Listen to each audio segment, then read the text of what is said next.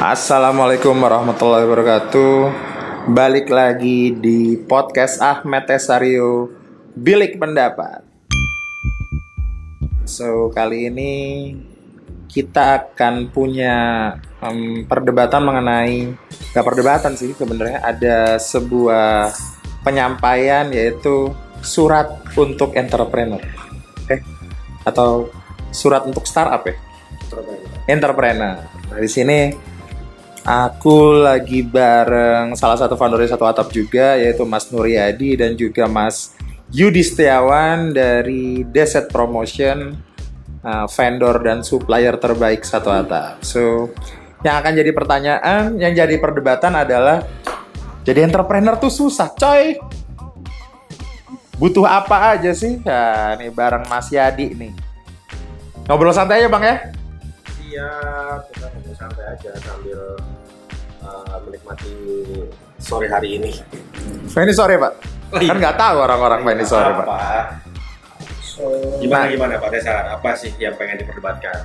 Yang menjadi bahan buat bilik pendapat ini adalah rupanya susah gak sih jadi pengusaha itu maksudnya eh, kita nih di satu atap kan mendidik juga menginkubasi banyak startup kalau berhasil alhamdulillah lah kita dapat nama kita dapat prestasi dapat tepuk tangan juga dari beberapa investor terus dapat sambutan juga. Tapi kalau gagal nih loh pak kok kelihatannya jadi kambing hitam gitu loh pak? Hah? Ya. cacian dan hinaan ya. Kenapa sih seperti itu? Apa apa kita yang salah pak ya sebenarnya? Atau jangan-jangan jadi pengusaha itu emang susah pak? Bukan susah sebenarnya sih. Tapi memang ternyata jadi peng... tidak semua orang bisa jadi pengusaha. kenapa kenapa kenapa Ada atribut-atribut memang yang harus dimiliki oleh seorang pengusaha bukan sekedar cuman harus tahu cara ngitung HPP, harus tahu teknis-teknis bisnis lah, bikin bisnis model yang ya semua itu sebenarnya bullshit sebenarnya kalau di diomongin cuman balik balik lagi ke orangnya sendiri punya nggak sih atribut untuk jadi jadi entrepreneur. Atributnya gimana pak? Sepatu Nike Air Max? Ya. Eh, jam tangan Rolex topi New Balance baju off white atau sekedar pola pikir sama endurance pak? Ya sama lah. Kalau kita mau main bola mau main basket paling pasti kan kita pakai atribut ya. Sekarang lu mau main bola tapi lu nggak pakai sepatu bola. Sama ma- main sama orang yang pakai sepatu bola. Kayak injek kaki lu rasanya kan sakit sekali. Nah gitu juga kalau mau jadi jadi bisnismen lu kalian harus nyiapin diri kalian sendiri dulu. Ya nggak cuma ngomong mindset pola pikir tapi setatak apa sih kalian dalam menghadapi bisnis? Sekarang coba adakah yang pernah merasakan bisnisnya hancur lebur bangkit lagi hancur lebur bangkit lagi hancur lebur bangkit lagi. Nah itu kan bagian dari dari gimana caranya kita melewati eh, perjalanan sebagai bisnismen dan kalau saya lihat hari-hari ini akhir-akhir ini semua orang pengen bikin bisnis ikut seminar ikut workshop terus dengar cerita dari orang-orang yang sudah sukses. Wah gampang banget kayaknya ternyata. Cuma jualan, bikin buka Instagram, bikin website, bisa jualan 2000 pieces gitu kan. Tiba-tiba dia buka, dia apa bikin produk, jual dua aja susah banget bos. Terus habis itu ngomong, wah yang bikin workshop ini sampah, yang bikin seminar ini goblok. Aku lo udah bikin, udah ngikutin ternyata- nggak bisa jalan lo cuma ngak, jual dua aja susah. akhirnya menyalahkan bahwa banyak eh, yang jual ludah itu para pengusaha itu. Sekarang lu lu pernah pernah tahu nggak pernah ngikutin dia nggak sekarang ada aku punya aku punya saudara om dia itu ternak ayam pak. Tak ayamnya sekarang sepuluh ribu. Sekarang ya sekarang. Nah, nah tahu hidupnya kayak apa? Dia bangun jam 3 pagi pak. Sholat tahajud. Tahajud dulu pak. Dia bangun jam 3 pagi sudah berangkat ke kandang ayamnya. Jam tiga pak? Jam 3 pagi. Nungguin ayam azan pak? Nungguin ayamnya tahajud. Tapi apa yang mereka lakukan apa yang gimana pola hidupnya mereka gimana eh, cara mereka menghadapi setiap rintangan yang dijalani kan gak ada yang gak ada gak, gak ada yang lihat yang dilihat apa oke kita udah jalan dia bikin bisnis model segala macam terus tapi apa sih di bela- di baliknya sekarang coba Pak Tesar Ada yang Kenapa tahu? Pak Tesar pernah jadi super pickup Banyuwangi Bali? Oh tidak ada yang tahu dong. Pernah. Pernah. Nah, yang tahu sekarang Pak Teser beli eh, Air Force One harga 8 juta gitu tahunya. Nah, tahunya kan gitu. Tahunya udah punya oh, beras organik, oh, menguasai Banyuwangi dengan para petani-petaninya gitu kan. Tapi kan gak ada yang pernah tahu, Pak. Dan apakah anak-anak sekarang, para pengusaha sekarang mau jalanin itu? Tidak dong kotor dong Pak, capek keringetan. Nah, itu yang jadi masalah. Jadi, aku sih nggak ngomong susah. Jadi bisnismen gak ada yang susah, Pak. Kalau kata Pak Tesar kan, bisnis itu hanya sebuah Excel. Ya, di saat hitungannya sudah clear, persiapannya sudah matang, Dijalankan. dijalankan. Kalau sampai salah, ojo salah no bisnisnya. Salah no perhitungannya ambil action plan-nya. Salahkan kamu sendiri, Pak. Kau salahkan action sama action Salahkan sama. andanya, goblok. Ya, andanya gimana? Nah, kalau- plan-nya sudah dibangun, sudah dibikin, perhitungannya sudah disiapin, persiapannya sudah matang sampai nggak jalan. Yang salah siapa? Karena tidak dijalankan. Itu dia. Ngapain dibuat brengsek? Pasti tidak konsisten, tidak telaten, tidak siap dengan segala macam rintangannya. Capek. Capek. Nggak mau muter sendiri. nggak mau muter sendiri. Tidak punya modal katanya. Selalu beralasan tidak punya modal. Iya iya iya iya. iya. Kan yang susah siapa jadinya? Yang susah bukan bisnisnya tapi Anda sebagai bisnismennya dong. Nah ini saya punya temen satu lagi namanya Pak Yudi yang bisnisnya itu sebenarnya besar sekali Pak ya dia. Oh, luar Tapi biasa. ngutang terus asu. Jingan. Nah pertanyaan gini Pak Yudi. Pada saat Pak Yudi mulai, sekarang kan udah terkenal nih Pak Yudi dengan Deset Promotionnya, J Productionnya sebagai salah satu vendor di seluruh universitas Abe. di seluruh komunitas yang ada di Surabaya itu vendornya J Production. Cuman nggak ada yang tahu aja. yang tahu ya orang-orang belakang aja nih. Pas sekarang mulai, yang pas dulu mulai sampai sekarang, apa sih yang diperluin? Bapak kan berpendidikan juga enggak gitu kan? Iya, iya, iya. Ya kan lulus, Lulus SMA, aja enggak. lulus enggak gitu. Tapi sekarang bisa santai-santai gitu. Iya, iya, iya. Kira-kira apa sih Pak yang diperluin? Ini buat pesan-pesan ke teman-teman yang menghina-hina kami. Menghina-hina. Menghina. gimana gimana Pak? Gimana ya? Ya, yang apa yang disampaikan sama A tadi sih A ya di perkara semua sudah siap tinggal mental aja sih. Gimana caranya kita punya mental yang uh, kuat yang jatuh bangun lagi, jatuh bangun lagi itu tuh yang susah. Terus sama ini sih kepercayaan orang tuh mahal banget tuh. Makanya kayak kalau saya ngutang ke Pak Tesar, baliknya tanggal berapa harus tepat tuh. Kalau nggak gitu bisa-bisa ah, dihina-hina sama Pak Tesar tuh. Nah, kita kan terbiasa dengan berhutang dengan karena kita percaya bahwa kita bisa balikin nih. Nah, Nah, gimana menurut Pak Yadi dan Pak Yudi juga ini namanya persis banget. Eh, Kita kan buat- kembar, kembar. Iya. buat teman-teman yang Nasibnya yang kembar.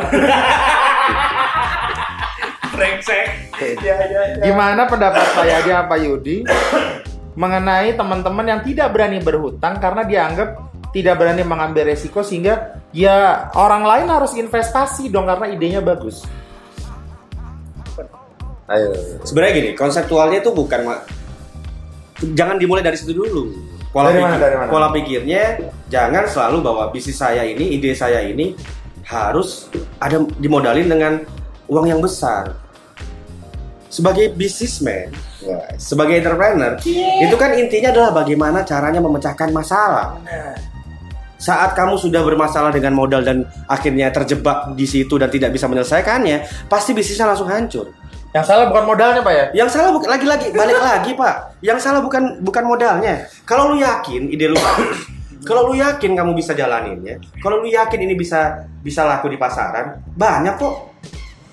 Hmm. Ada di Pola Sukses Challenge ngasih hadiah 2 miliar. Dapat juga ya. Bisa dapat, gak perlu dibalikin lagi duitnya. Ada bis- wirausaha muda mandiri. Ada naik apa next next Next Dev.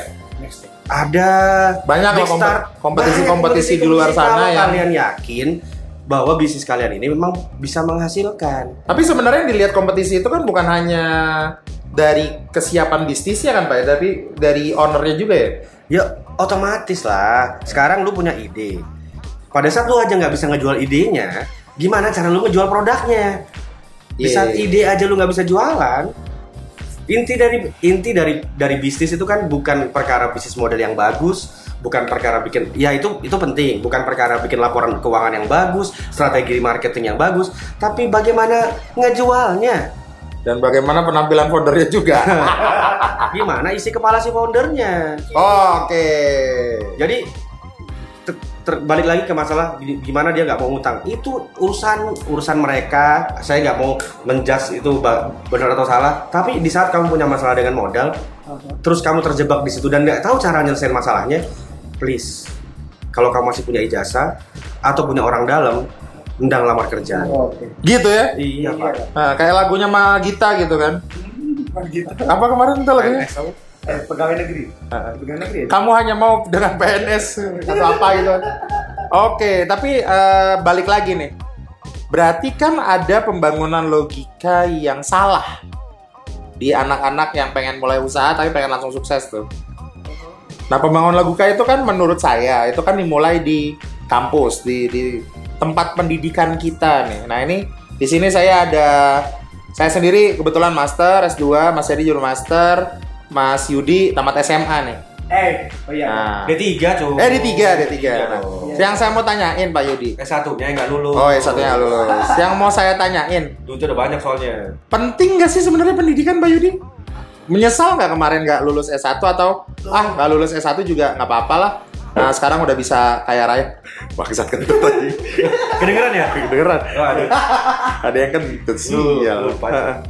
Yudi kira-kira eh, Pak Yudi penting nggak sih sebenarnya untuk pembangunan logika eh, untuk eh, entrepreneur S1 karena banyak yang bilang loh ah nggak usah sekolah aja bisa kaya raya gitu kayak Bob Sadino gitu.